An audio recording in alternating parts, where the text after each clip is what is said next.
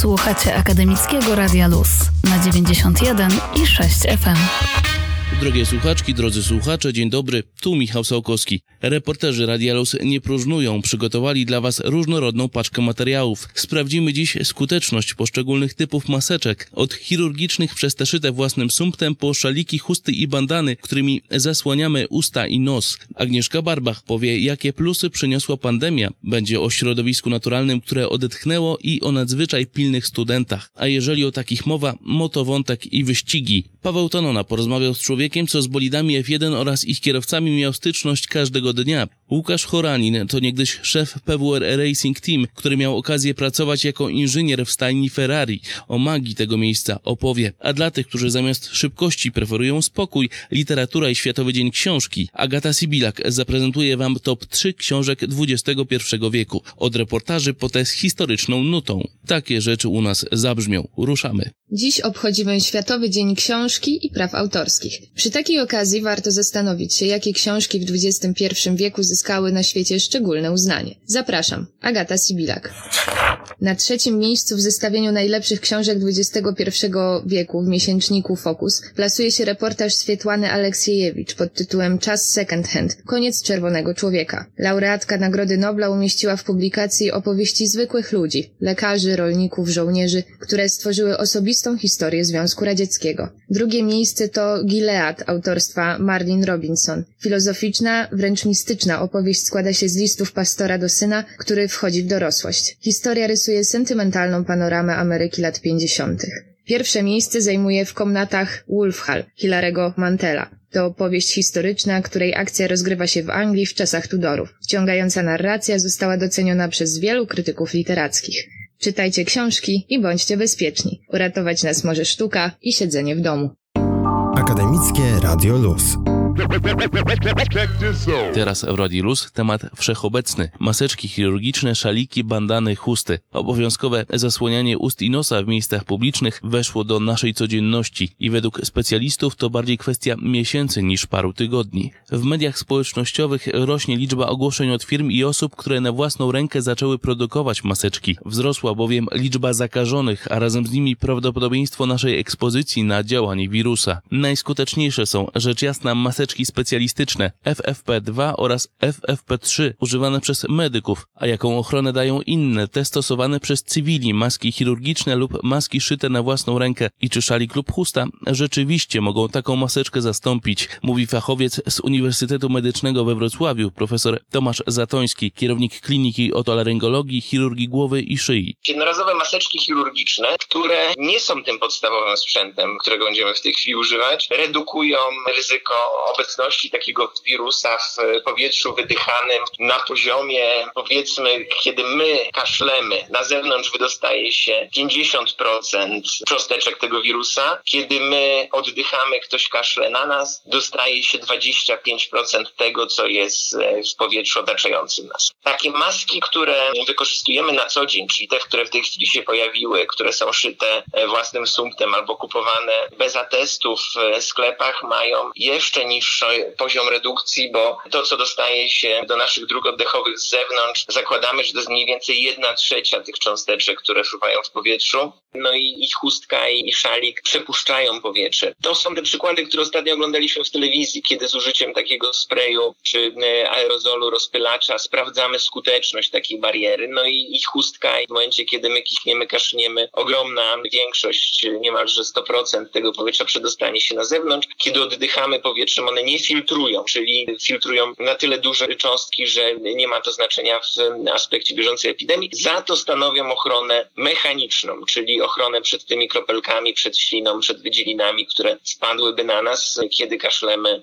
kiedy ktoś kicha w naszej obecności, ktoś kaszle w naszej obecności. Istotna jest także kwestia odpowiedniego zadbania o to, by maseczka wielokrotnego użytku dobrze spełniała taką rolę. Jak to zrobić? Większość masek jest jednorazowa, w związku z tym ciężko jest rekomendować bardzo bardzo wielokrotne ich używanie. Skuteczność takiej maski zdecydowanie zmniejsza się, kiedy ona zawilgotnieje. Wtedy jest y, większe ryzyko przeniesienia wirusa z zewnątrz do środka, czy ze środka na zewnątrz. Myślę, że taka podstawowa metoda to jest przy maskach, które są bez cząstek plastikowych, takich, które mogłyby ulec uszkodzeniu, czyli te fizelinowe, bawełniane, to jest prasowanie, pranie i prasowanie tych masek bawełnianych, prasowanie masek fizelinowych. Jeżeli nie mamy kolejnej, to takie wyprasowanie powoduje znaczną redukcję, a właściwie pewność zniszczenia wirusa w perspektywie jakiegoś tam czasu tego prasowania. Pamiętajcie też, że nie osłonięcie twarzy i ust może odbić się na naszych portfelach. Policja może w takim wypadku ukarać nas mandatem do 500 zł. Grzywna może być dotkliwsza, gdy sprawa trafi do sanepidu. Kary administracyjne zaczynają się od 5 tysięcy i mogą sięgnąć nawet 30 tysięcy złotych. O kwestiach zdrowotnych w kontekście maseczki już nie wspominamy. Zdrowie nie ma ceny. 91 i 6. Akademickie Radio Luz. Pandemia wydaje się być ciosem zadanym lotom załogowym na Księżyc. W ramach programu Artemis NASA planuje, by w 2024 roku człowiek ponownie stanął na Księżycu, a przez epidemię wszystko może się opóźnić. Jednak czy jest jakiś plus panującej pandemii? Świat staje na głowie, ale nasze środowisko nareszcie łapie oddech. Agnieszka Barbach, zapraszam. O tym, że jakość powietrza jest lepsza, informuje zarówno Europejska Agencja Kosmiczna, Unijny Program Obserwacji Ziemi Copernicus, jak i European Environment Agency. Wraz z rozwojem epidemii wirusa, najpierw w Chinach, a potem w Europie, podjęto zdecydowane środki w celu ograniczenia przepływu ludzi. W wielu miejscach stanął przemysł, transport towarowy oraz większość usług. Satelity pokazują, jak wpływa to na stan atmosfery. Według analityków w Chinach emisja dwutlenku węgla spadła nawet o 1 czwartą. Obniżyła się także wartość poziomu PM2,5, czyli spadło zanieczyszczenie pyłami zawieszonymi o maksymalnej średnicy 2,5 mikrometra. Na przykład w lutym 2020 roku nad dużymi obszarami Chin spadek wynosił o 20 do 30% w stosunku do średniego poziomu w lutym w latach 2017-2019. Wyraźny spadek dotyczy także stężenia dwutlenku azotu, związku emitowanego głównie przez działania człowieka, takie jak ruch uliczny, produkcja energii, ogrzewanie domów i przemysł. Jeśli porównamy zdjęcia satelitarne z ostatnich kilkunastu tygodni, widzimy znaczące zmiany w jakości powietrza w Chinach. Na zdjęciu wykonanym w okolicy Nowego Roku widać standardowy poziom dwutlenku azotu. Natomiast już na początku lutego, kiedy niektóre chińskie miasta właściwie odcięte od świata, a przemysł się zatrzymał, można zaobserwować gwałtowny spadek emisji zanieczyszczeń. Aktualne dane z satelitów pokazują także znaczną redukcję dwutlenku azotu w północnych Włoszech. Podam Wam teraz przykładowe wartości dla europejskich miast. Od 13 marca do 13 kwietnia, w porównaniu z analogicznym okresem ubiegłego roku, stężenie dwutlenku azotu w Paryżu spadło o 54%, w Rzymie o 49%, w Madrycie o 48%, a w Mediolanie o 47%. Miejmy nadzieję, że ostatecznie po zakończeniu pandemii nie nadrobimy tego spadku emisji z nawiązką. Może się zdarzyć, że zamiast inwestycji w energetykę odnawialną, wiele rządów i firm będzie musiało zmienić priorytety. Także my, siedząc w domach, powinniśmy znaleźć sobie zajęcia nie dodatkowego zużycia prądu. Czytajmy, grajmy w planszówki, uporządkujmy pamiątki czy zdjęcia i dbajmy o swoje zdrowie fizyczne. Ale jest jeszcze jeden plus pandemii. Władze Uniwersytetu Przyrodniczego w Poznaniu już pod koniec marca poinformowały, że frekwencja na wykładach online jest często wyższa niż w sali wykładowej. Również na seminariach magisterskich i licencjackich obecność była stuprocentowa. Może wykłady online zagoszczą już na stałe w planach studiów. Trzymajcie się zdrowo i zostańcie w domach. Agnieszka Barbach. 91 i 6. Włącz się sportowo.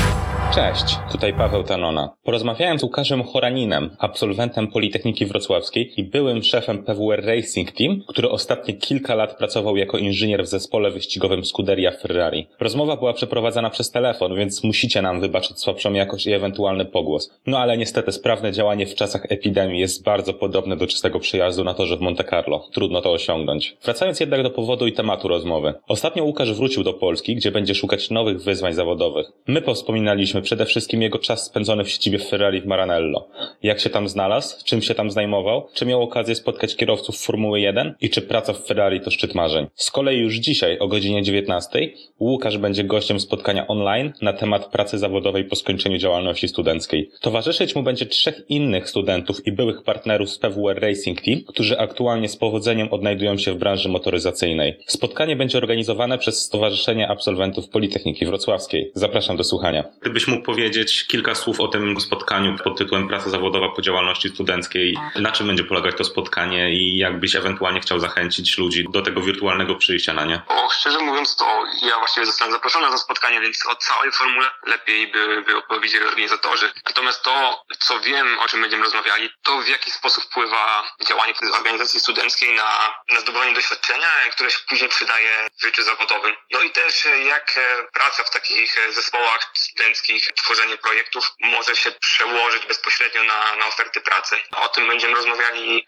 mam nadzieję, że nie tylko z organizatorami, bo też zapraszamy, ja zapraszam właściwie tutaj moich kolegów z zespołu, z którymi pracowałem jeszcze na studiach. Oni też dostali bardzo ciekawe oferty pracy. Do tej pory tak naprawdę głośno było właśnie o, o tej ofercie do Ferrari, którą dostaliśmy. Też później, już rok później, dwa lata później moi koledzy i koleżanki dostali bardzo fajne oferty do innych zespołów F1, do marek motoryzacyjnych takich jak Koenigsegg, do, do, do Skody załóżmy. Też tam kilka osób się dostało. Razem ze mną będzie, będzie też e, trzech innych e, moich znajomych, e, którzy na pewno też e, opowiedzą o swoich doświadczeniach i o tym, co oni wynieśli z działalności studenckiej. Do tego Ferrari dostałeś się praktycznie zaraz po studiach w 2015 roku na ten staż Akademia Ferrari. Mógłbyś opowiedzieć, jak to się wydarzyło, że, że zostałeś zaproszony? Temat jest bardzo prosty. Byliśmy na zawodach, razem z całym zespołem oczywiście. Odnieśliśmy nasze pierwsze sukcesy. Wtedy jeszcze teraz PWR Racing Team jest znany z wielu sukcesów i zdobywania wielokrotnie podium. Walczą cały czas, już regularnie walczą o pierwsze miejsca. Wtedy nasz zespół dopiero zdobył swoje pierwsze sukcesy. No i na torze Silverstone mieliśmy taką okazję pokazać się z bardzo dobrej strony w konkurencji przyspieszenia. Zdobyliśmy podium właściwie. I w konkurencji finałowej, przepraszam, przejeździe finałowym udało nam się pokazać właśnie przed sędziami. No i o tym nie tylko nie byliśmy świadomi, ale, ale obserwowali nas headhunterzy. Po, po tym wyścigu dostaliśmy wizytówkę właśnie do, do Ferrari z propozycją, żebyśmy składali tam CV na naszej reakcji do ten program. No i ja i kilku moich kolegów skorzystaliśmy z zaproszenia. Właśnie, ponieważ wyczytałem, że rekrutacja do Ferrari nie jest otwarta, że trzeba dostać zaproszenie. Czy podczas rekrutacji mieliście, mieliście sporą konkurencję z innych krajów, czy, czy było was niewielu? Rekrutacja była wieloetapowa, więc ciężko powiedzieć, mi wtedy było ciężko powiedzieć, ilu było kandydatów przy tej rekrutacji. I już na samym finale rekrutacji, to jest taki assessment center, tu było 20 osób, dostało się 8 osób. Później w kolejnych latach te rekrutacje już śledziłem trochę z drugiej strony i zazwyczaj takie zainteresowanie to było około 300-500 osób. Jakbyśmy się mogli cofnąć jeszcze, jeszcze do tego czasu w Ferrari. Na czym polegały twoje, twoje zadania w, podczas pracy w Maranello? No byłem inżynierem, to była praca, zaczynałem właściwie jako stażysta, rotując między różnymi działami. Na sam koniec wybrałem dział operacyjny, operacji wyścigowych. Pracowałem ze skrzynią biegów, układem hydraulicznym i całym systemem mechatronicznym wokół tych dwóch podzespołów.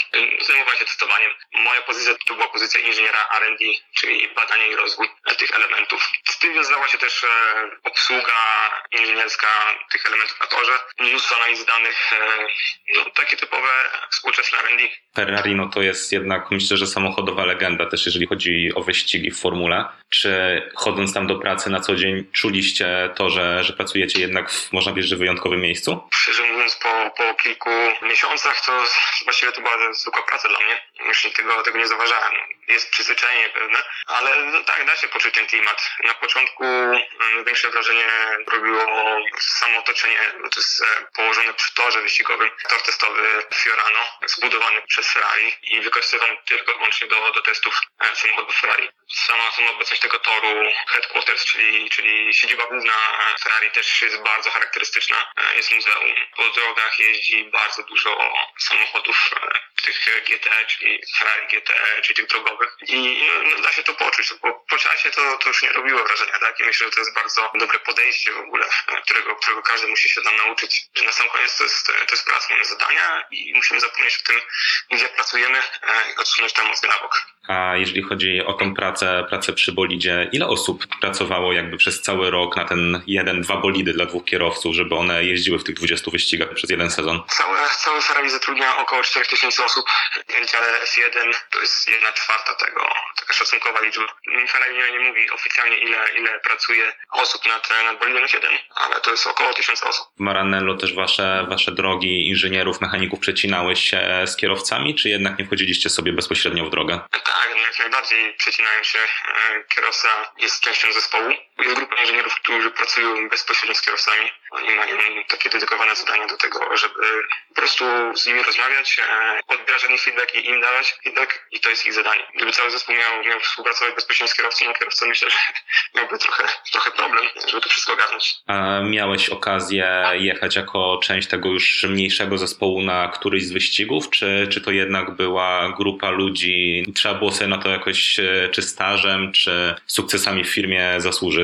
E, Nie, nie trzeba było zasłużyć sobie. To, to są po prostu role w zespole odpowiednie, tak naprawdę. Nie wszyscy chcą, może takie nieoczywiste, wydaje się, że trafia się do zespołu F1 to właśnie po to, żeby jeździć na wyścigi, ale to na dłuższą metę jest bardzo męczące. No, ja miałem okazję uczestniczyć w testach i to zupełnie mi wystarczyło. Tak e, pomyślałem też, bo sam jestem fanem Ferrari w F1 i oglądając e, serial na Netflixie w odcinku o Ferrari, e, Charles Leclerc powiedział, że kontrakt z Ferrari to jest szczyt marzeń. Czy dotyczy to też e, wasz inżynierów, też tak możecie pomyśleć, czy jednak mimo to, że byliście tam, to nie jest sufit, który już osiągnąłeś, tylko jest jeszcze, masz czy większe marzenia, czy lepsze rzeczy, które można osiągnąć? To zależy od punktu spojrzenia. Jeżeli chciałbym pracować jako, jako inżynier, pracować z nowymi technologiami w branży automotive, jeszcze w motosporcie, to myślę, że lepiej trafić się nie da niż właśnie w Ferrari, e, zespół F1. Tak naprawdę każdy zespół F1 z tych e, topowych zespołów e, jest super miejscem do, do spełniania siebie